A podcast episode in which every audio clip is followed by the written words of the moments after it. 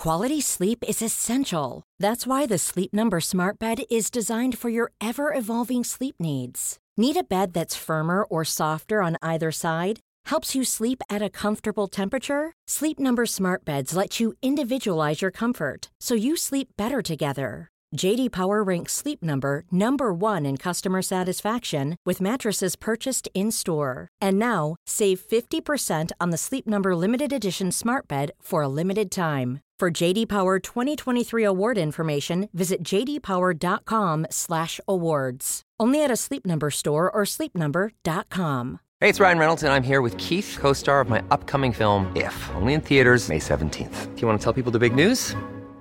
All right, I'll do. it. Sign up now and you'll get unlimited for $15 a month in six months of Paramount Plus Essential Plan on us. Mintmobile.com slash switch. Upfront payment of $45 equivalent to $15 per month. Unlimited over 40 gigabytes per month. Face lower speeds. Videos at 480p. Active Mint customers by 531.24 get six months of Paramount Plus Essential Plan. Auto renews after six months. Offer ends May 31st, 2024. Separate Paramount Plus registration required. Terms and conditions apply if rated PG. There's never been a faster or easier way to start your weight loss journey than with PlushCare. PlushCare accepts most insurance plans and gives you online access to board-certified physicians who can prescribe FDA-approved weight loss medications like Wigovi and Zepbound for those who qualify.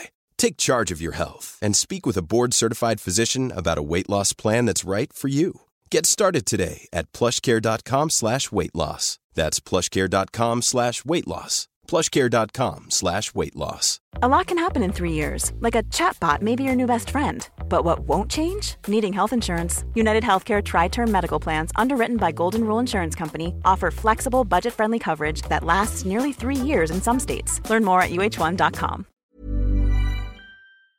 I don't need a lot of brains in this business. I mean, I've always said if you got an IQ of 160, give away 30 points to somebody else because you don't need it in investments. What you do need is emotional stability.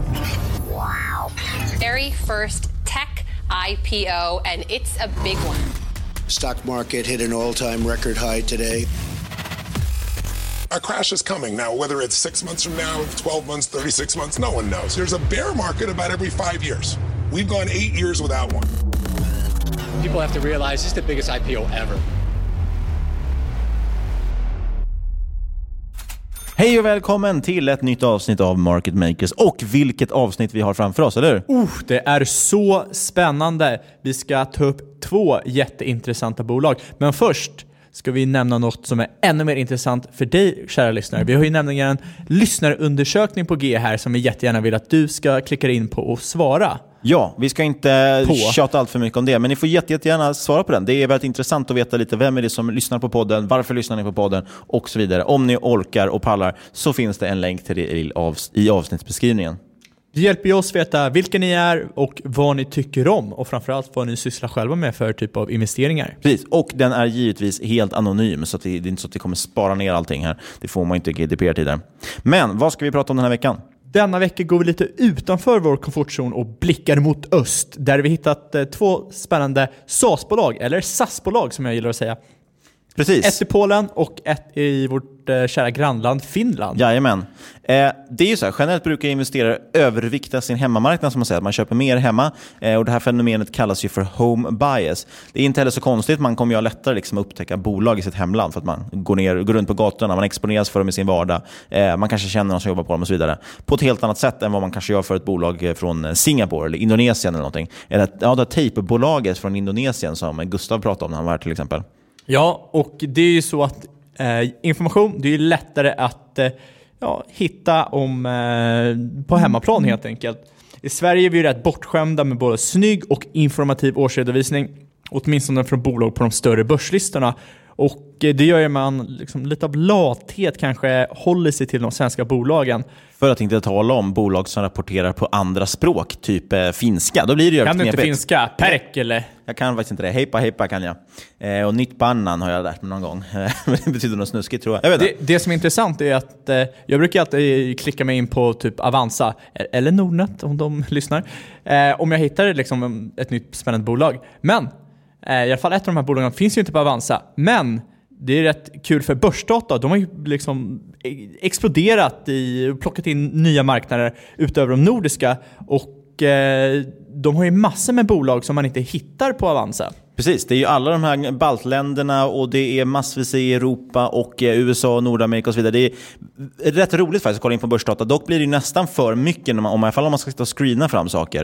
Eh, men jag vet också att det händer en del nu, mycket spännande grejer där som gör att det kommer bli lättare och lättare tror jag. Eh, I alla fall, de här bolagen som vi tittar på den här veckan finns ju bägge då också på börsdata. Eh, men vi kanske ska också erkänna att vi fick in ett tips i alla fall om bägge de här på andra sätt. Och det ena kommer faktiskt till och med anonymt på Twitter. Oj, spännande. Ja, vi brukar ju få sådana här frågor just. Eh, har ni kikat på det här bolaget? Och det här var ett sånt faktiskt. Eh, men vi kanske kommer in mer på det sen. Eh, nog med snack i alla fall och mystiska anonyma tips. Vad heter bolagen? Jo, det är det finska Admicom som erbjuder en tjänst för byggföretag och sen har vi de polska LiveChat Software som också de är ett SAS-bolag. Nej, men SAS-bolag är de. Och som vanligt så är detta ingen rådgivning och verkligen inga rekommendationer. Analysen i podden ska enbart ses som inspiration. Och du måste alltid göra din egen analys, givetvis. För investeringar är som ni vet, ni är smarta. De är förknippade med risk och de delar och hela, eller hela ditt kapital faktiskt, kan faktiskt gå förlorat. Om inte Ingves hinner devalvera det totalt först. Bueno, bueno, bonita. Nu hoppar vi in på första bolaget. Den här veckan sponsras vi av First North-noterade Tangiamo Touch Technology, som sysslar då med tillämpningar av sensorteknologi bland annat inom kasinobord. Man har patent faktiskt på en rad områden inom både touchteknologi och visuell identifiering till exempel. Och Produkterna finns installerade hos kasinon, spelhallar och kryssningsfartyg i mer än 30 länder. Men nu lanserar man den nya revolutionerande produkten som kallas för Gaming Bridge. Och Den här binder samman fysiska spelbord med remote och online gaming. Man tar alltså steget ut i digitaliseringen. Och Bolaget i sig, ja, de tar faktiskt steget från att vara en leverantör av spelbord till att nu kunna erbjuda infrastruktur och mjukvara inom gaming. Så det här är ett stort steg. Eh, man bryggar ju faktiskt gapet mellan landbaserat och online. Man genomför nu också en företrädesemission och det här vill de uppmärksamma er på. Eh, teckningsperioden den löper fram till den 12 juni, så är du intresserad av en spännande iGaming-leverantör med flertalet patent under sig, ja, då går du in hos din nätmäklare och kikar in Tangiyamo Touch Technologies. Eh, aktien, ja, den handlas på First North under ticken Tangi, alltså T-A-N-G-I, och vi säger ett stort tack till Tangiyamo. Ja, livechatt. Det kommer faktiskt in som ett tips. Eh, Jag kanske ska bara nämna, det är inte ovanligt att lyssnare hör av sig och frågar om vi kikar på ett visst bolag eh, för att få vår input. Eh, ofta dock, tyvärr, är det så kallade förhoppningsbolag ofta som kommer in. Det vill säga bolag som inte tjänar några pengar idag och ofta har ett så kallat binärt utfall kan man säga. Ja, med binärt utfall menar du att antingen åker det som en raket rakt upp till månen eller så åker det rakt ner i marken och får gräva din egna grav. Precis, det är skillnad från de flesta andra bolag som de står ju antingen och tickar sakta uppåt eller tickar sakta neråt eller går sidledes. Så här är det väldigt tydligt. Ett event. Får de igenom sitt nya läkemedel till exempel, ja då kommer de pang, då får de mångdubblingar av aktiekursen. Eller så går det åt helvete. Och det är just det här som då lockar många sparare, alltså den här superdubbleringen eller någonting. Och det är för att man drömmer om det här snabba klippet. Eh, det ser man inte minst på att det finns Facebookgrupper som heter aktieraketer och det ena och det andra. Eh, man drömmer om snabba klippet, man tror att man ska kunna stoppa in en tusenlappar och komma ut på andra sidan som miljonär. Allt som oftast, tyvärr dock, slutar dock med att bolaget av någon anledning inte når dit de ville. Eh, för det är svårt att genomföra de här sakerna. Vore det säkert så skulle ännu fler investera i det. Eh, då behöver man oftast in mer pengar, sen börjar allt om och den här cykeln då repeteras om och om igen med allt lägre aktiekurs som resultat. Men det här tipset, då, om man nu ska kalla det för tips, är i alla fall inte ett förhoppningsbolag, utan det är polska LiveChat Software. Och då vill vi passa på att skicka ett litet tack till At Macchiato eh, som skickade in det tipset. Det är alltså inte kaffet, utan en kille som heter M-A-C-K-I-A-T-O-O på Twitter. Det var han som fick oss att upptäcka den här, det här bolaget. Så det var tack, lite kul. Tack Macchiato! Precis. Men som namnet antyder så sysslar LiveChat Software med mjukvara som är kopplad till livechatt. Huvudprodukten heter just LiveChat och i sin enklaste form innebär det att du med hjälp av LiveChat kan chatta med dina kunder. Mm. De flesta har nog varit med om det att man surfar in på någon sida och så dyker det upp ett litet chattfönster längst ner i hörnet där man direkt då kan börja prata med företag man surfat in hos. Eh, LiveChat är dock inte bara för hemskt, utan man kan faktiskt koppla till alla ens kommunikationskanaler egentligen. Så om du till exempel har en Facebook-sida för ditt företag, ja, då kan du sköta den chatten direkt via LiveChat också. Så det blir en enda applikation att hålla koll på oavsett varifrån kunderna skriver. Och det här är en liten eh, kul eh, sidospår här egentligen, då, bara för att eh, återigen gå ifrån ämnet vi pratar om. Eh, när vi ska kika på nya bolag så, så brukar det finnas en del ställen man kollar på. Man googlar såklart bolaget i allmänhet. Eh, man kikar på hemsidan, vad som skrivs om dem och kollar om det finns någon Wikipedia-inlägg och så vidare. Och så vidare. Och utöver det givetvis kollar man också alltid börsdata. givetvis. Och alltid bolagets IR-sida, alltså Investor Relations-sektionen på deras hemsida. Ja, alla börsnoterade bolag har ju en skyldighet att upprätta och underhålla en eh, sån här sida där man kan hitta rapporter och annan viktig information. Vissa bolag har faktiskt fantastiskt bra IR-sidor och LiveChat, de är ju faktiskt ett av de här bolagen. Precis. Även fast de är noterade i Polen. Ja, och de har dessutom då givetvis en chattfunktion faktiskt på deras IR-sida. Jag tyckte det var ett snyggt grepp, så man kan snabbt då börja chatta med, med deras IR-kontakt eh, samtidigt som man ser produkten. I alla fall, det jag skulle säga då, det var att utöver de här stegen så brukar man också, brukar jag också kolla lite så i, i, om man hittar tidigare analyser av bolaget. Eh, och Då brukar jag också söka igenom min mail alltid. Eh, för det är inte alls oväntat att man hittar något gammalt nyhetsbrev, någon researchutskick eller någonting där de nämner bolaget. Och då tyckte jag det var lite roligt, för LiveChat hittade jag faktiskt noll som var aktierelaterat. Men däremot hittade jag lite gamla supportärenden i mailen som då LiveChat hade oj. hanterat ärendena på. Och då tänkte jag, ja, fan, det här är lynchning at its best. Eller? Absolut. Och det var den analysen. Ska vi hoppa vidare på nästa bolag? Jajamensan, Admin kom nästa då. Nej, men hur som haver, utöver den vanliga chattfunktionen så håller även LiveChat-applikationen stenkoll på hur kunden beter sig på din hemsida, vilket är högst relevant data för till exempel en e-handel som vill jobba på att öka sin konverteringsgrad. Precis. Huvudprodukten i alla fall den heter LiveChat, men man har också en del andra produkter som dock alla mer eller mindre egentligen knyter an till den huvudprodukten på, olika sätt. Eh, och Det stora målet egentligen för LiveChat är ju att vara heltäckande när det gäller kundkontakt. Man har därför under väldigt lång tid nu byggt upp, en, byggt upp en plattform egentligen där man integrerar alla de här olika produkterna eh, och därmed skapar man då en yta som ja, för deras kunder blir ett slags kontrollcenter egentligen för deras kundkontakt. Affärsmodellen är SaaS, som det är väldigt mycket tjat om nu för tiden. Software as a service, eller helt enkelt en prenumerationstjänst om man så vill. Det finns lite olika prisnivåer beroende på vilken funktionalitet du behöver och kunderna behöver ofta köpa flera licenser.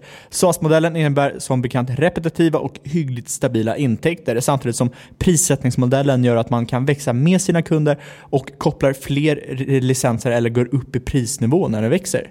Och Man jobbar också främst mot SME, alltså Small and Medium Enterprises, små och medelstora företag på svenska. Eh, men vidareutvecklar också den här produkten och prisen för att även kunna nå större organisationer. Och Man har faktiskt en del större organisationer på kundlistan. För där hittar vi bland annat Adobe, vi hittar Tele2, Ikea, Paypal och även Huawei som just nu är i blåsväder. Det är en jäkligt imponerande kundlista de har ändå. Och enligt bolaget själva så har man en kostnad på nära noll för att värva nya kunder, vilket det är ju väldigt intressant. Kombinerar man det här med låga fasta kostnader och obefintligt behov av capex får man därför en extremt skalbar och lönsam affärsmodell. Men vi kommer ju att återkomma till varför den där kostnaden är nära noll och fråga om det verkligen är rimligt. Absolut. Precis. Men som alltid i den här äh, Market Makers-podden, eller vad var det vi kallade den förra avsnittet?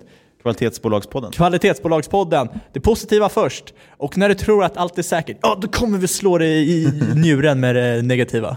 Precis, bra liknelse. Ja. Eh, man har i alla fall en rätt spännande modell tycker jag när det gäller just att värva kunder, även om vi ska komma till lite kritik på den också.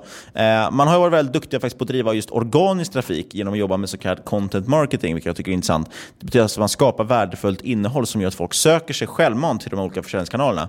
Eh, som exempel så har man ju väldigt höga följarsiffror sociala medier, men man har också en blogg då som har runt 100 000 unika läsare varje månad. Det är rätt imponerande. Som Blondinbella. Dessutom är själva produkten byggd så att andra kan utveckla sina egna tilläggstjänster, vilket lett till att helt ekosystem byggs upp kring LiveChat och det är ju otroligt intressant. Till dessa utvecklare erbjuder man då olika typer av partnerprogram där de till exempel kan få kickback för sålda licenser. Eh, marknaden för SaaS den har vi pratat om tidigare, så vi kanske inte liksom behöver upprepa och gå så djupt på det igen. Eh, men den är i alla fall enorm och i stark tillväxt. Den inkluderar ju dock extremt många olika tjänster. Eh, så mer intressant kanske är siffror för just chattlösningar. Och där har LiveChat själva då presenterat lite data, även om den är lite halv och instabil. Eh, men de har marknadsöversikt från slutet på förra räkenskapsåret. Eh, då trodde man då att ungefär 700 miljarder dollar var det estimerade värdet för den här livechatt-marknaden. Men som sagt, en högst osäker siffra av flera anledningar. Eh, bland annat är det ju så att många konkurrenter de använder sig av freemium-modellen, eller freemium. Det vill säga att man erbjuder sin tjänst gratis till en början och sen måste kunderna börja betala allt eftersom om de vill nyttja det. Det känner ni igen till exempel säkert med ett spel som Candy Crush och så liknande. LiveChat däremot, de kör inte med den modellen. De vill inte ha några gratiskunder. De tar betalt direkt, däremot ger de en gratis trial. Eh, och det gör, de tror helt enkelt att det är svårare att konvertera en gratiskund än vad många tror. Eh, och därför är det bättre att ta betalt direkt. Jag kan till viss del hålla med om det och man försöker bygga ju då mer en lite premiumkänsla kanske. Eh, sen kan man givetvis då erbjuda tjänsten till lågt pris i början så att det är enkelt att testa och även trialperiod. Oavsett hur stor livechattmarknaden bedöms vara så kan vi i alla fall konstatera att den växt bra, men också att man som bolag är beroende av tillväxt hos sina kunder för att själva fortsätta växa. Desto fler som börjar nyttja internet till exempel eh, för shopping, desto fler kunder får livechatt. Och vi har ju sett en del diskussioner kring just den livechatt-marknaden. Bland annat föll just livechatt-aktien eh, typ 20% på nyheten om att Facebook Messenger skulle gå och integrera på hemsidor och därmed då helt döda all kon- konkurrens tror man. Eh, så är det med alla de här teknikbolagen. Det är ofta folk tror att ah, men så fort det kommer in en jätte som Amazon eller Google eller någonting, ja, då kommer de ju bara slå ut de här bolagen. Eh, det här var dock i november 2017. Jag har inte fortfarande sett någon som faktiskt använder Messenger på sin sajt. Nej, men Eh, så, och- såna, såna där äh, rädslor, man sa, det är väl jättebra opportunities to buy the dip. Precis. I livechats fall kanske det inte riktigt har varit det. Men däremot så har vi inte sett att det skett någon liksom rejäl förändring i fundamentat sen just dess. Eh, däremot har det skett en rejäl multipelkontraktion, bland annat på grund av det här då, och rädsla för konkurrensen. Eh, men det kommer vi tillbaka till senare. då. Man har sitt huvudkontor i eh, det som stavas Wroclaw, men som uttalas Wrocław enligt Wikipedia. Var det bra uttal tycker du? Ingen aning faktiskt. Det är alltså Polens fjärde största stad och även en universitetsstad. Flera i ledningen har själva pluggat där, så det finns ju en tydlig koppling, vilket är rätt intressant. Utöver huvudkontoret finns även en amerikansk kontor i till exempel Boston. Och det är ju också en studentstad, kanske världens eh, mest kända universitetsstad. Coincidence? I think not. Eh, man man har växt sin personalstyrka över 30% under det senaste räkenskapsåret och är idag runt 100 anställda. Bolaget grundades i början på 2000-talet och ägdes faktiskt ett tag indirekt av Naspers, som många lyssnare faktiskt känner till. För, inte minst för att vi har tagit upp det i podden. Precis. Eh, Livechat de genomförde nyligen också ett listbyte. Man handlas nu på polska börsens midcap-lista. Eh, vi kanske ska nämna det någonting om att eh, det här bolaget går ju, den här aktien går ju faktiskt att handla direkt om man går via till exempel DeGiro. Eh, och annars, jag har fått bekräftat från till exempel Avanza att det går att lägga telefonorder om man skulle vilja, men man får ju då högre courtage. Jag gissar på att Nordnet erbjuder exakt samma sak. Hur mycket kostar ett courtage nu för tiden? 10-20 000? Jag vet faktiskt inte. Någonstans där brukar det vara. Eh, det beror ju på lite stor orden också, såklart. Eh, vi kanske i alla fall ska passa på att säga att vi är inte direkt experter på Polens geopolitiska risk eller företagsrisker. Eh, är du däremot expert på området kan du väl höra av dig till oss och ge en brief om det. Summa summarum är det ett väldigt intressant företag med en produkt som är lätt att förstå och otroligt lönsam affärsmodell. Dessutom har man levererat otroliga tillväxtsiffror. Något som alla SaaS-fantaster tittar på är ju bolagets churn rate. Churn, alltså det här utanför västkusten, eller på västkusten. Jajamensan! Jag tror att det är femte gången jag försöker ta om det skämtet.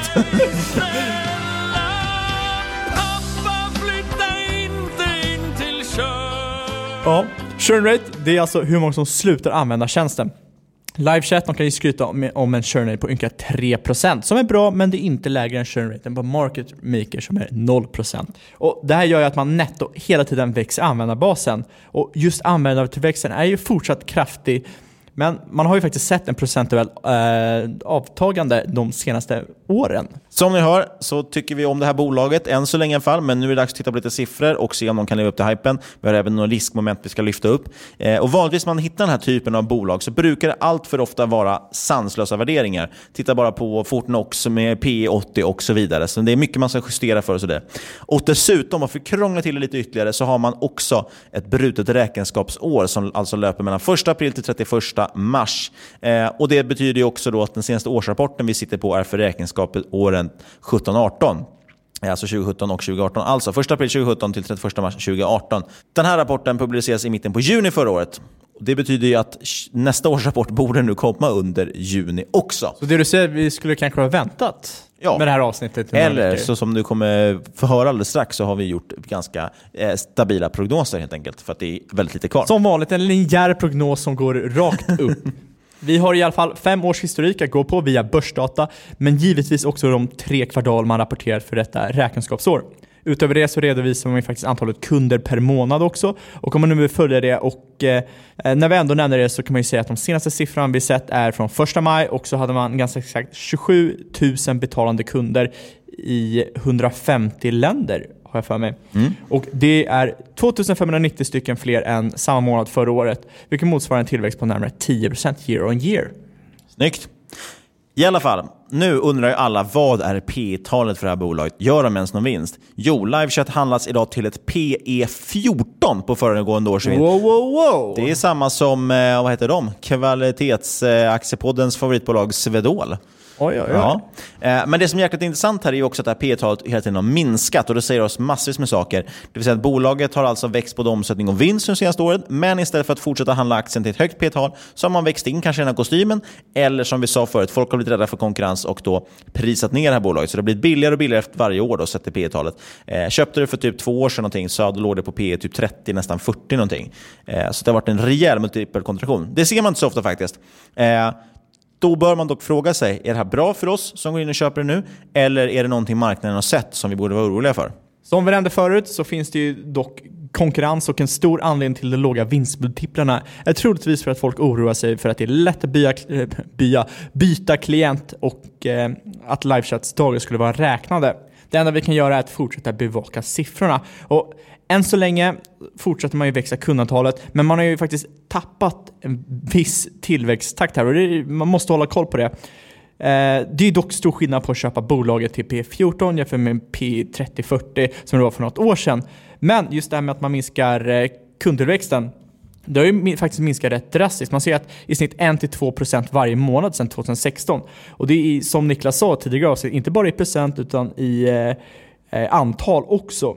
Ledningen de säger att de har close to zero customer acquisition cost, alltså de lägger i stort sett inga pengar på eh, användartillväxten. Där kan man dra en kort parallell. Vi har ju pratat om 24-7 Office här nu ett par avsnitt och det har gått väldigt bra för det bolaget också, vilket är kul. Men eh, där pratar vi om det här med LTV genom CAC, det vill säga hur lång tid tar det... Eller förlåt, vi, vi pratar om en... en eh, Fan, nu glömde jag bort vad det hette, men det är skitsamma. Hur många månader tar det för en kund att vara återbetald helt enkelt? Om de lägger ner x antal kronor på att värva kunden, hur många månader innan den är avbetald? Och jag får mig siffran låg på 6-7 månader ungefär på 24-7 Office. I Livechats fall då så ligger ju den kostnaden på noll. För så fort, om man har noll i kostnad så blir ju det en lönsam kund från dag ett. Och det låter ju väldigt bra, men det Eller finns också en anledning till att den är noll. Eller om det är LTV genom CAC och de har noll i CAC, då blir det oändlig. så är det också. Det är frågan, varför har de ingen CAC? Vill man äga ett så kallat tillväxtbolag? Eller ett eh, kackigt bolag. Som, ja, men som satsar noll på marknadsföring och på sätt att driva in kunder.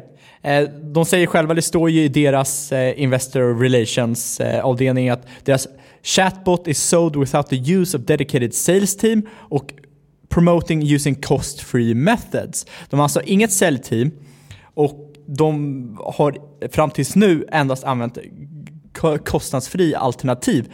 Är det det man vill ha på, sin, liksom, på det här bolaget man investerar? Om de ska så- fortsätta det här kan man gissa att liksom, det kommer fortsätta samma håll, vad vet jag. Men eh, det verkar inte vara ett vinnande koncept eftersom de, deras kundtillväxt minskar.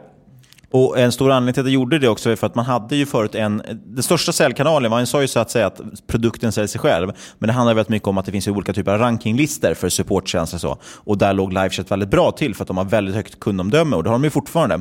Men sen köptes den största av de här sajterna upp. Eller de- Exakt, och tidigare var det en gratismodell och nu har det blivit uppköpt av, jag tror att det var Gartner. Och då har de ändrat att det är en så här paid auction bid.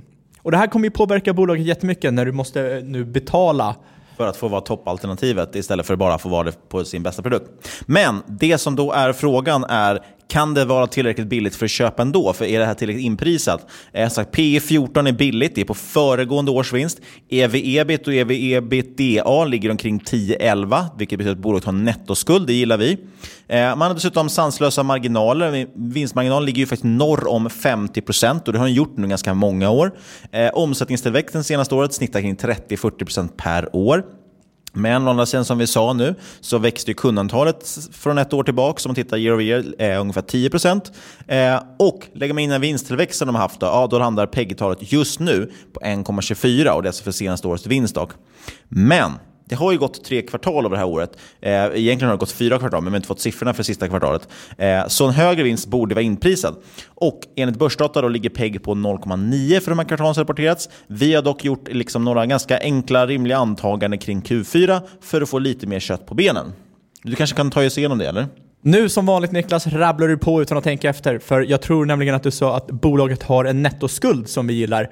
Men eh, du menar väl att de har en nettokassa? Nettokass, nettokassa menar jag. Exakt, och det var det jag Enterprise trodde. value är mindre än eh, market cap. Förlåt mig, ursäkta mig. Ja, du är Ja. förlåten, men en gång till så ryker du från den här podden. Ja, Ja, men dra våra, dra våra prognoser nu titt- Kom igen nu, framåt. Titta framåt.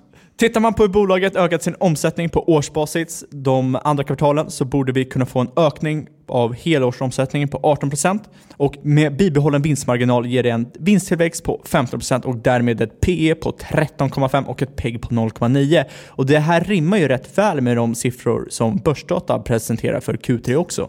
Jag tror att det är rimliga prognoser. Och sagt, senaste åren har ju man snittat 30-40% omsättningstillväxt. Så att då sjunker den till 18%. Ja, det är en ganska kraftig försämring faktiskt. Eh, men vet du, vi har faktiskt glömt också nämna direktavkastningen. Det här är faktiskt lite intressant. Den ligger ju på hela 6%. Det är ganska bra. Eh, företaget har faktiskt en utdelningspolicy då, som skulle få vilken förtidspensionär som helst att bli helt till sig. Eh, man har nämligen valt att dela ut hela sin vinst förutsatt att inga attraktiva investeringar dyker upp eh, som man då tror kan generera högre avkastning för aktierna.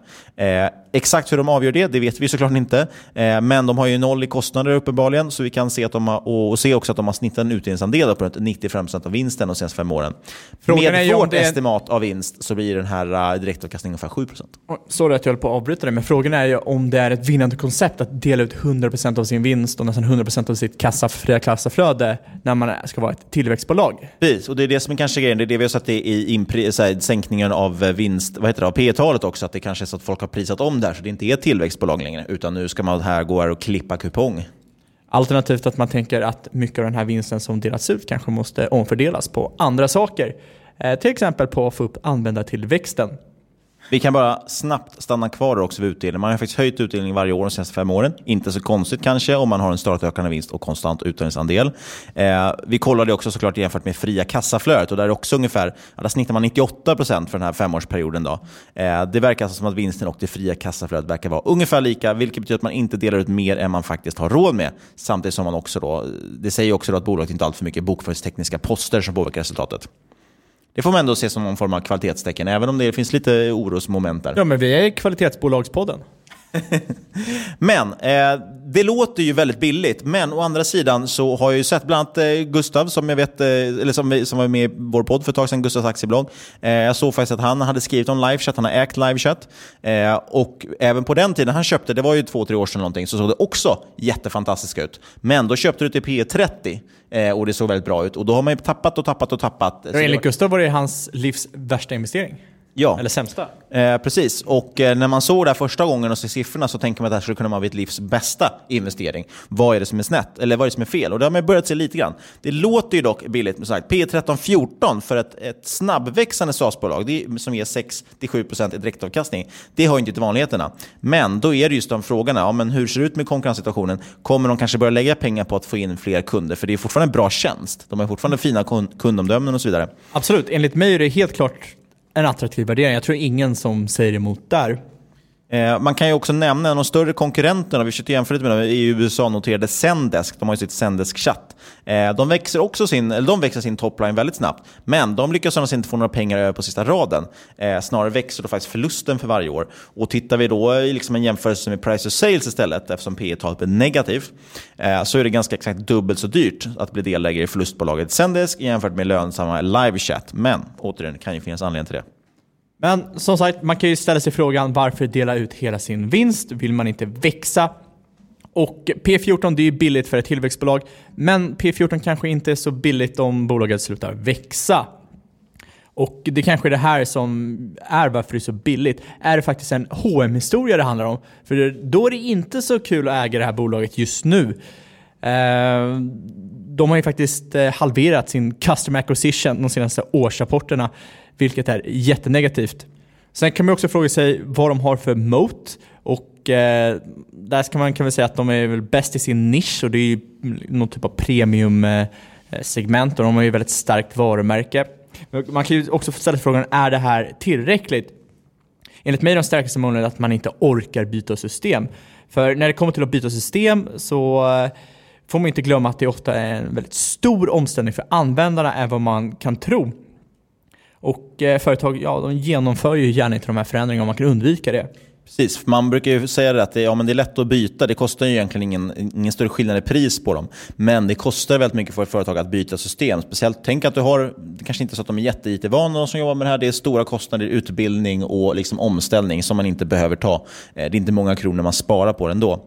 Eh, jag vet inte, jag tror att det, det finns dock sådana här nischer där det kan vara eh, flera bolag som finns parallellt. Det jag tror man ska tänka på, det viktigaste man ska avgöra om man själv vill titta på det här bolaget och fundera på om man ska investera i, det är att tror jag att de åtminstone kan upprätthålla det de har idag, ja då får du ändå till 7% direktavkastning. Då är det ett utdelningscase istället. Du köper på ganska bra nivåer. Lyckas de hålla det så kan de dessutom tänka sig att de uppvärderas lite så att inte direktavkastningen blir så hög. Så då får du liten multipel expansion. Eh, kan de dessutom fortsätta växa, kanske till och med svänga om lite grann och bara börja lägga lite pengar på customer acquisition. Det är ju inte helt omöjligt att börja dra in Jag, kundförvärv. jag tror att det handlar om mer om ett turnaround-case, för nu är de ju verkligen på någon typ av eh, Eh, vad heter det, vägrening eller någonting. Mm. Eh, ko- kommer de låta användartillväxten sakta ner och då är det i stort sett ett dött företag, i alla fall för oss eh, intresse. Eller kommer de börja lägga in pengar och det kommer ju påverka utdelning och liknande, men det skiter vi. Och liksom hitta en ny kanal där de kan få in nya kunder. För det tror jag att det är det de behöver satsa på. Ja, och där är det dock intressant, då, för när du säger turnaround, då får jag sådana vibbar till turnaround-case för mig. Det är ju bolag som har gått åt fanders, som ska vända om och det tar ju alltid längre tid än vad man tror. I det här fallet är det ett bolag som fortfarande växer fortfarande 10-20% per år. Det är bara det att de inte kunnat hålla exakt samma tillväxt som man förut. Men, så det är faktiskt ett intressant eh, case ändå. Eh, vi kommer väl avvakta lite grann och hålla koll på det här, men jag tycker faktiskt man ska titta på det. För siffrorna ser i alla fall, det är lätt att bli eh, vad säger man, förblindad av dem, eller förtjusad av dem. Ticken för livechat är LVC. Och nu tycker jag vi drar vidare till ett nytt land och ett nytt bolag. Jag bara ta upp en sak till. Okej då. Eh, en sak man ska hålla koll på. det är klart du får säga till. En sak jag tycker man ska hålla på, koll på är att ungefär vid toppen när det börjar liksom eh, sälja av i början, eh, för det, vi har ju sett en rätt stark nedgång i aktiekursen för livechat, då såg man en rätt stor insiderförsäljning. Och eh, Eh, det tycker väl jag är relativt negativt. Och, eh, så man kan ställa sig liksom lite frågan hur ledningen agerar. Och sen, jag gillar inte heller att de har skickat ut två stycken så kallade corrections på senaste årsredovisningen. Det kan vara en helt skitsak att, att haka upp sig på. Men jag kan ändå tycka så här. okej en correction, varför behöver ni två corrections? Alltså det är helt enkelt att de har gjort något slarv eller något fel i sin årsredovisning som de bör fixa. Och då har de behövt Råkat lägga till gånger. en nolla på omsättningstillväxten. Ja, ex- ty typ så. Och då, då kan man ju ställa sig frågan, hmm, what's happening? Det absolut sista jag ska lägga till, det är att jag gillar inte att deras ARPU, alltså average revenue per user, eh, det varierar mellan varje företag. Det är väldigt individuellt eh, enligt företaget själva och det gör att det är väldigt svårt att uppskatta framtida intjäningsförmåga. Precis, man kan inte bara tracka den här siffran med nya kunder och så räkna ut hur mycket de ska få. Vilket man kan tro eftersom man går in på liksom deras hemsida, klickar på produkt och så ser man business här, ja det kostar så här mycket. Men tydligen så finns det andra saker som leker i bakgrunden. Ja, men du har ju olika prisnivåer, du har mängdlicenser och så vidare. Men jag måste bara, för att göra någon ny slags segway här, du sabbade det ju i den förra.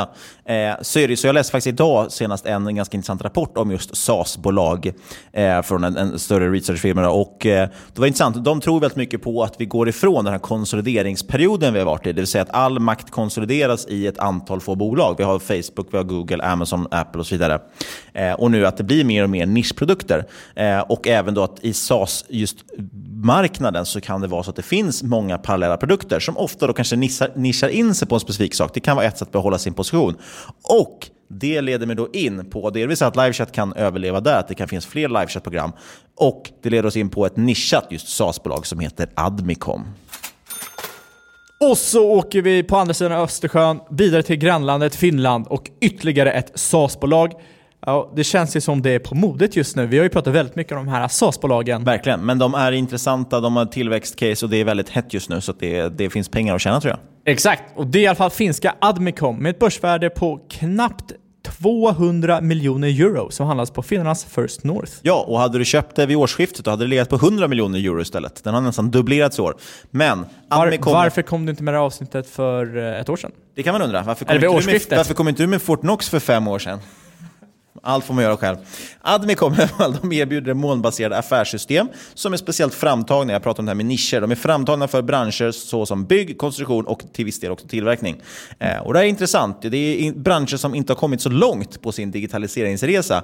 Eh, faktum är faktiskt att just Finlands byggnadsindustri, jämför man den med de andra industrierna, den har haft mer eller mindre oförändrad produktivitet de senaste 40 åren, medan alla andra branscher i princip har ökat sin produktivitet löpande i, i takt med effektiviseringar, digitalisering och så vidare. Man har lite drygt 120 anställda, drygt 15 000 kunder, var de flesta är i kategorin mellanstora företag. Där Admicom sticker ut bland konkurrenterna är dels att de är helt molnbaserade, men också att de satsar hårt på att automatisera så mycket som går. Utöver det så växer de dessutom eh, väldigt, väldigt kraftigt samtidigt som de har väldigt, väldigt god lönsamhet. Mm. Och om vi går tillbaka till varför tjatar vi så mycket om sådana här bolag? Då? Jo, eh, av egen erfarenhet så finns det otroligt mycket att göra när det kommer till digitalisering. Eh, framförallt är det så intressant för det är så, folk, företagen har kommit mycket, mycket mindre inom den här resan än vad man tror. Eh, det är faktiskt också väldigt mycket färre företag än vad man tror som har ens påbörjat processen. Eh, det finns helt enkelt mycket kvar att erövra här. Eh, och kraften just i digitalisering är att flytta sina tjänster till molnet, att verkligen nyttja de integreringarna och automatisering av tjänsteflöden kan ju låta som massa buzzwords och snack, men effekten här är faktiskt enorm just när det kommer till, till produktivitet, effektivisering och så vidare. Man minimerar tiden man lägger på tråkigt arbete och tjänar mycket mer pengar. Och dessutom så är det ju en win-win det här. Absolut, det är väldigt mycket en win-win med den här prenumerationsmodellen. Kunden behöver inte ta en stor uppstartskostnad utan man behöver bara betala en liten månadsavgift för att komma igång med tjänsten. Dessutom ingår det allt som oftast i dessa kostnader vidareutveckling, du har ju support och så vidare. Vilket gör att företagen kan känna sig trygga med att de alltid har en garanti om att det kommer funka. Ja, för den som säljer tjänsten innebär det ju en viss risk i början. Eh, men levererar man en bra produkt blir det på sikt extremt bra för du får ju stabila intäktsströmmar och när det initiala eh, uppsättningskontraktet är betalt så blir marginalerna sedan väldigt mycket högre än när man har en engångsavgift eller säljer konsulttimmar. Det var bland annat det som eh, Microsofts nya VD insåg när han gick över till, eller tyckte man skulle gå över till Office 360 365. 365 heter det till och med. Precis det vi pratade om där med 24-7 Office, där man redovisar då hur många månader tar det innan den här uppsättningskostnaden är betald. Och resten är ju nästan 100% marginal på. Inte riktigt. Men det är ofta svårt också att byta de här systemen när de är på plats. Som vi sa, det är svårt och, och man ska lägga tid på, på utbildning och det ena och andra. Eh, och det gör ju också att många i alla fall SaaS-bolag, om de har en tillräckligt bra produkt, tappar de väldigt lite kunder också. Eh, det mäter man ju med den här churnen som vi pratade om. Eh, istället ser man faktiskt att kunderna snarare kanske lägger till fler licenser, fler tjänster med tiden. Eh, både i takt med att de växer, men också att de ser fördelarna med det här de köpt in och de vill nyttja det mer och mer. Tar vi Microsoft där igen som exempel så är det intressant för att där kan du verkligen bygga hela ditt egentligen digitala ekosystem. Vilket gör att du börjar med en liten grej, du börjar med Word eller någonting. Och så sakta men säkert bygger du på och inser att ah, okay, jag har mail här också och jag kan bygga ett affärssystem här och så vidare. Ja, nu bryr vi oss faktiskt inte om ditt jävla Microsoft, för nu pratar vi om Admicom. Och Admicom, de är i alla fall mer än 80% av kunderna inom olika delar av bygg och konstruktion och nyckeln till deras framgång är just att de specialiserat systemen för de här branscherna. Produkten heter Adminet och är modulär, vilket innebär att man som kund kan lägga till de delar man behöver för att anpassa produkten. Ja, och Eh, jag har i alla fall inte jobbat inom bygg på något vidare sätt kan jag inte påstå. Första sommaren efter gymnasiet jobbade jag lite som bygg. Revväggar, byggde väggar, revväggar, byggde väggar, målade väggar. Okay. Ja, men då får du ta över resten av avsnittet. För jag har i alla fall ingen koll på de här flödena eller informationen riktigt som företagen hanterar. Eh, men jag antar i alla fall att Adminet, de hanterar väl allt, alltså allt från byggspecifik info som ritning och så vidare. Eh, hela vägen till hur personalen tid rapporterar, hur företagets bokföring ser ut, eh, som dessutom då blir faktiskt helt pappersfri. De har en pappersfri bokföringstjänst det här också också. Ja, största fördelen är ju såklart tidsbesparingen i att automatisera flöden. Men det finns ju också en stor vinning i att ha all information på en plats och dessutom uppdatera det i realtid, vilket gör att ledningsversioner hela tiden kan få aktuell information om hur det går. Eh, kort bakgrund då. Det grundades 2004. Man har alltså en del år på nacken. Man noterades först i februari 2018 dock, så man sitter ju på relativt kort historik här. Eh, som tur är dock erbjuder bolaget själva då data för några år tillbaka. Eh, mer än 90% av intäkterna är återkommande. Dessutom stoltserar man med att Admicom främst ägs av sina anställda. Det tycker vi är kul. Det är någon form av pilotskolan som det brukar heta. Man har senaste fem åren växt med en årstakt på hela 38% och har på denna omsättning hela 28% i vinstmarginal. Man har dessutom som policy att dela ut över 50% av vinsten, vilket man också gjort, men då bolaget är betydligt dyrare än till exempel LiveChat så blir direktavkastningen bara lite drygt 1%. Men då får man också tänka på att växer man med 30% per år, ja då kan man ju också växa, då växer utdelningen med 30% per år. Det är inte illa pinkat. Har ju verkligen blivit en utdelningsinvesterare på senaste jag vet. Man får hitta bottenskrav. Om man inte hittar något annat attraktivt med bolaget får man i alla fall titta på utdelningen. Nej, jag. Eh, PE i alla fall. Rätt kraftigt rejält mycket saftigare prislapp. PE 56 på 2018 års vinst och PE 42 på vår prognos för 2019. Eh, vi har antagit 35% tillväxt då och bibehållna marginaler. Det landar i ett PEG på exakt 1 för förra årets vinst och 1,3 för 2019 års prognos. Men eh, PEG-talet det har ju ökat, för man har ju senaste åren haft en marginalexpansion. 2018 var vinstmarginalen sagt 28%, medan den förra året var 24% och tre år sedan 21%. Så den har ökat ganska kraftigt varje år. Det är väl ungefär 6% per år. Någonting. Eh, skulle man anta, procent, inte procentenhet utan procent. Eh, skulle man anta en fortsatt då marginalexpansion i samma takt, ja, då skulle vi istället få ett PEG på typ 0,6. Det är ju sjukt attraktivt. Eh, men det är också lite vågat att anta det, så det var därför vi satte en lite försiktigare prognos. Vi gjorde lite bull bear base case kan man väl säga kanske. Man har dessutom en nettokassa, eller nettoskuld som eh, Niklas gillar att säga, och därmed blir ev-ebit betydligt lägre och ligger idag på knappt 40. Det betyder att det är knappast ett billigt bolag, men å andra sidan så är det ju få SaaS-bolag som är det. Dessutom levererar man ändå bra marginaler, man levererar hög tillväxt, man har ju helt enkelt det man letar efter i denna typ av bolag. Eh, men det finns konkurrens såklart. Däremot är det väldigt få konkurrenter som tycks ha kommit lika långt. Man är fortfarande inte helt målbaserade eh, och inte heller lika heltäckande på samma sätt. Eh, de leverantörer som faktiskt är hyfsat målbaserade och så vidare, de är inte då specifika på samma sätt för den här branschen. Men vi är tyvärr inte heller då de enda som känner till det här bolaget. Faktum är att aktien nästan har faktiskt dubblerats sedan årsskiftet. Och det är, det är en kraftig värdering. Men P talet ligger å andra sidan i linje med tillväxten. Och som vi har sagt förut så är det ofta en premievärdering på den här typen av bolag bolag och kan, kan man få PEG-talet på ett bra nivå i alla fall så kan det ändå vara intressant. Eh, man kan också försöka vara superpositiv om man vill leta någonting. Det är ju ofta så att stigande aktiepriser är någonting positivt, åtminstone i alla fall ur ett kortsiktigt perspektiv. Eh, det finns ju den här klassiska momentumeffekten, vilket innebär att det som är dyrt blir ofta lite dyrare och på lång sikt vill man givetvis köpa helst billigt, då, kanske som livechatt eventuellt. Men samtidigt när något stiger som Admincon gör nu, eller Fortnox för den delen, ja, då brukar folk slänga sig på köpknappen och FOMOa in i aktien. Så är det absolut. Är det ett verb? Eh, jag tycker att det borde vara ett verb och jag tror att förr eller senare kommer det komma in. Nu har ju vi varit relativt bullish med både liksom vårt antagande om framtida tillväxt och marginalexpansion. Och eh, du som lyssnar kanske inte ska vara eh, liksom, lika bullish som vi varit. Ja, jag har sagt också det, att ett base case så är, liksom ligger PEG på 1,6 någonting och då är det nästan dyrt. Exakt. Men en sak jag tycker vi borde prata om här varför ska de dela ut 50% av vinsten? För eh, jag tycker det här med det som folk ibland brukar kalla för en dividend growth stock, det är lite av en motsägelse för att eh, istället för att sätta de 50% i arbete för att växa verksamheten så väljer man istället att ge tillbaka pengarna för att man inte hittar alternativa investeringar. Och jag tycker det är lite, lite konstigt när det är ett så här färskt börsnoterat bolag. De tar in pengar för att antagligen vill de växa. Varför behåller de då inte vinsten för att fortsätta utveckla tillväxtmöjligheter? Det kan man fråga sig om. Jag vet faktiskt inte ens varför, vad man skulle kunna lägga pengarna på. Jag tycker ändå att det är intressant när man delar ut pengar. Eh, dock inte liksom 100% så som Livechat gör kanske. Men generellt så tycker jag ändå att det är något positivt. Framförallt också att man faktiskt visar en vinst så det byggs upp någonting i bolaget. Eh, det är ju som sagt, som jag sagt, det är inte så svårt att hitta bolag som växer kraftigt. Men de flesta gör ju det bara på topline och inte liksom redovisar någon vinst. Till exempel titta på ja, men Storytel eller Plaid för den delen som vi tagit upp också i podden förut. Absolut, men ja, jag, jag, jag tycker det, det, är intressant men det känns ju som man kan hamna med liksom en aktie där uppsidan är uppsidan för en utdelningsaktie och risken för en tillväxtaktie. Och då är det inte så jättetrevligt på liksom, varken eller. Så är det. Hade man kunnat plocka upp den för vid årsskiftet som sagt, hade det varit en stor, stor skillnad i pris. Ja, rent allmänt på båda de här bolagen, tyvärr så är det ju väldigt svårt att få tag på mycket info. Det är mycket info man vill ha. Eh, just på Admincom är ju mycket på finska och det gör ju att det blir en liksom, del oklarheter. Eh, det, är liksom, det är inte lika transparent för oss som inte kan finska.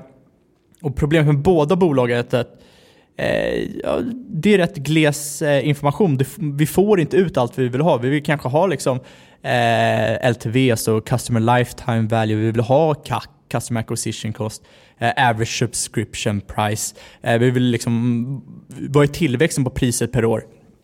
Eh, churn, ja det fick vi på livechat men vi har inte det på Admicom. Vi vill ju kunna räkna ut de här nyckeltalen som är rätt viktiga för SAS. Och när det är så snålt på information, då vet man kanske inte riktigt hur man ska ställa sig till bolagen. Eh, det här är ju svårt överlag egentligen med de flesta bolag när det gäller sådana specifika nyckeltal. Eh, för då är det ofta så att bolagen själva kanske väljer ut vilka de vill visa. Vi vet ju till exempel att eh, 24-7 Office de lyfter väldigt mycket med LTV och CAC och hur de då relaterar till varandra på olika sätt.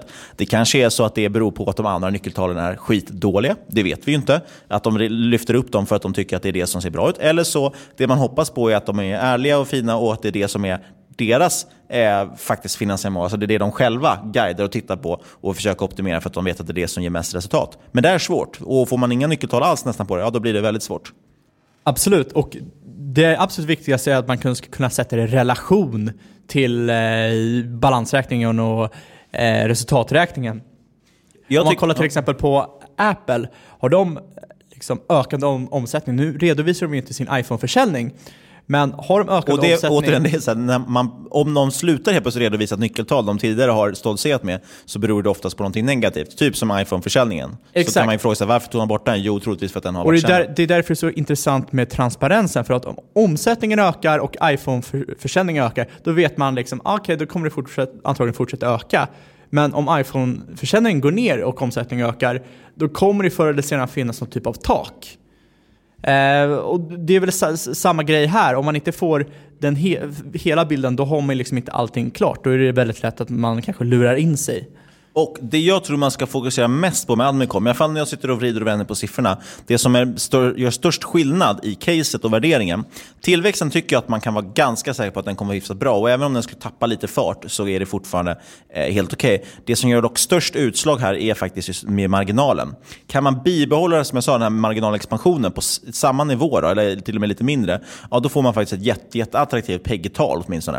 Eh, har man lite sämre marginaltillväxt, eller ungefär samma marginaltillväxt, ja, då blir det inte så himla intressant eh, om man sänker tillväxten. Och ska man dessutom minska sin vinstmarginal, ja, då är det faktiskt ett riktigt, riktigt tråkigt case. Eh, och det handlar bara om någon procentenhet upp och ner egentligen, skillnaden här. Eh, men det är det jag tycker man ska hålla koll på här. Men jag ser dock, ingen an- eller jag ser dock eh, flera anledningar till att det skulle kunna vara så att man fortsätter faktiskt den här expansionen.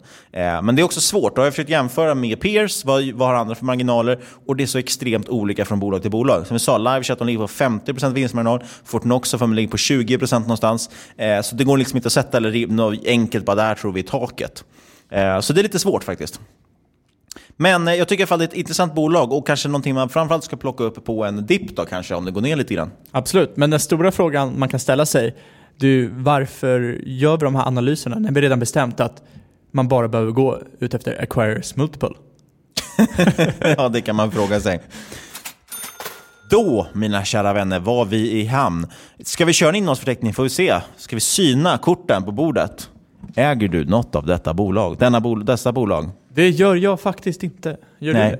Jag har faktiskt köpt lite, lite Admicom bara för att jag inte kunde hålla mig. Men vi får väl se hur det går med det. du, Ja. du, vet, du vet ju att du kan bli eh, tagen av det. By the po-po. Ja, jag kommer inte kunna påverka eh, omsättningen i det här bolaget. det. Kursdrivning, market makers-effekten som den kallas. Ja, det, jag tror inte att det finns någon risk för det på något av de här bolagen som tur är. Men bara så att ni är helt säkra, inget av den här podcasten ska ses Hallå, som rådgivning. Finansinspektionen? Alla åsikter är våra egna. Eller vår gäst och eventuella sponsorer tar inget ansvar för det som sägs i podden. Gör alltid din egen analys. Som vi har sagt, det finns väldigt många olika faktorer man måste väga in.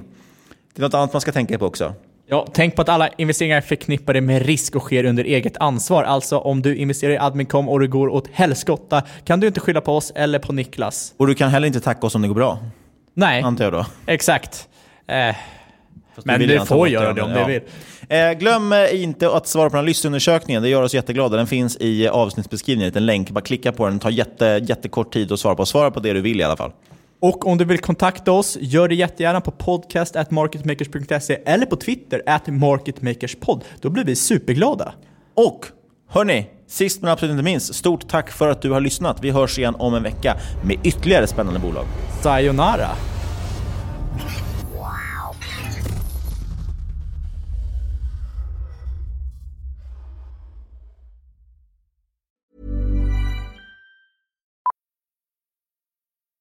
Millions of people have lost weight with personalized plans from Noom, like Evan, who can't stand salads and still lost 50 pounds. Salads, generally, for most people, are the easy button, right? For me, that wasn't an option. I never really was a salad guy. That's just not who I am. But Noom worked for me. Get your personalized plan today at Noom.com. Real Noom user compensated to provide their story. In four weeks, the typical Noom user can expect to lose one to two pounds per week. Individual results may vary. Since 2013, Bombas has donated over 100 million socks, underwear, and t shirts to those facing homelessness. If we counted those on air, this ad would last over 1,157 days. But if we counted the time it takes to make a donation possible, it would take just a few clicks. Because every time you make a purchase, Bombas donates an item to someone who needs it. Go to bombas.com slash ACAST and use code ACAST for 20% off your first purchase. That's bombas.com slash ACAST, code ACAST. A lot can happen in three years, like a chatbot may be your new best friend. But what won't change? Needing health insurance. United Healthcare Tri Term Medical Plans, underwritten by Golden Rule Insurance Company, offer flexible, budget friendly coverage that lasts nearly three years in some states. Learn more at uh1.com. Many of us have those stubborn pounds that seem impossible to lose, no matter how good we eat or how hard we work out. My solution is PlushCare. PlushCare is a leading telehealth provider with doctors who are there for you day and night to partner with you in your weight loss journey. They can prescribe FDA-approved weight loss medications like Wagovi and Zepbound for those who qualify. Plus, they accept most insurance plans. To get started, visit plushcare.com slash weight loss. That's plushcare.com slash weight loss. Hey, it's Ryan Reynolds, and I'm here with Keith, co-star of my upcoming film, If, only in theaters May 17th. Do you want to tell people the big news?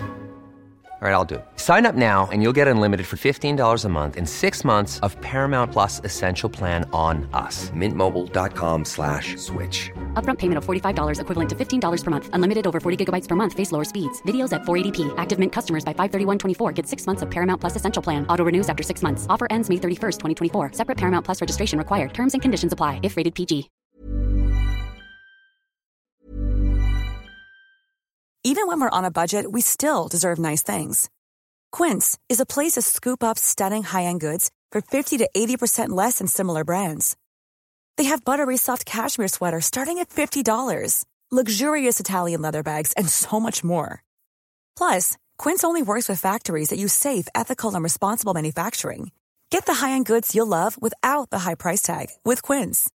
Go to quince.com slash style for free shipping and 365 day returns. As humans, we're naturally driven by the search for better. But when it comes to hiring, the best way to search for a candidate isn't to search at all. Don't search, match with Indeed. When I was looking to hire someone, it was so slow and overwhelming. I wish I had used Indeed. If you need to hire, you need Indeed. Indeed is your matching and hiring platform with over 350 million global monthly visitors, according to Indeed data, and a matching engine that helps you find quality candidates fast. Ditch the busy work. Use Indeed for scheduling, screening, and messaging so you can connect with candidates faster. And Indeed doesn't just help you hire faster. 93% of employers agree Indeed delivers the highest quality matches compared to other job sites, according to a recent Indeed survey. And listeners of this show will get a $75 sponsored job credit to get your jobs more visibility at Indeed.com slash podcast. That's Indeed.com slash podcast. Terms and conditions apply.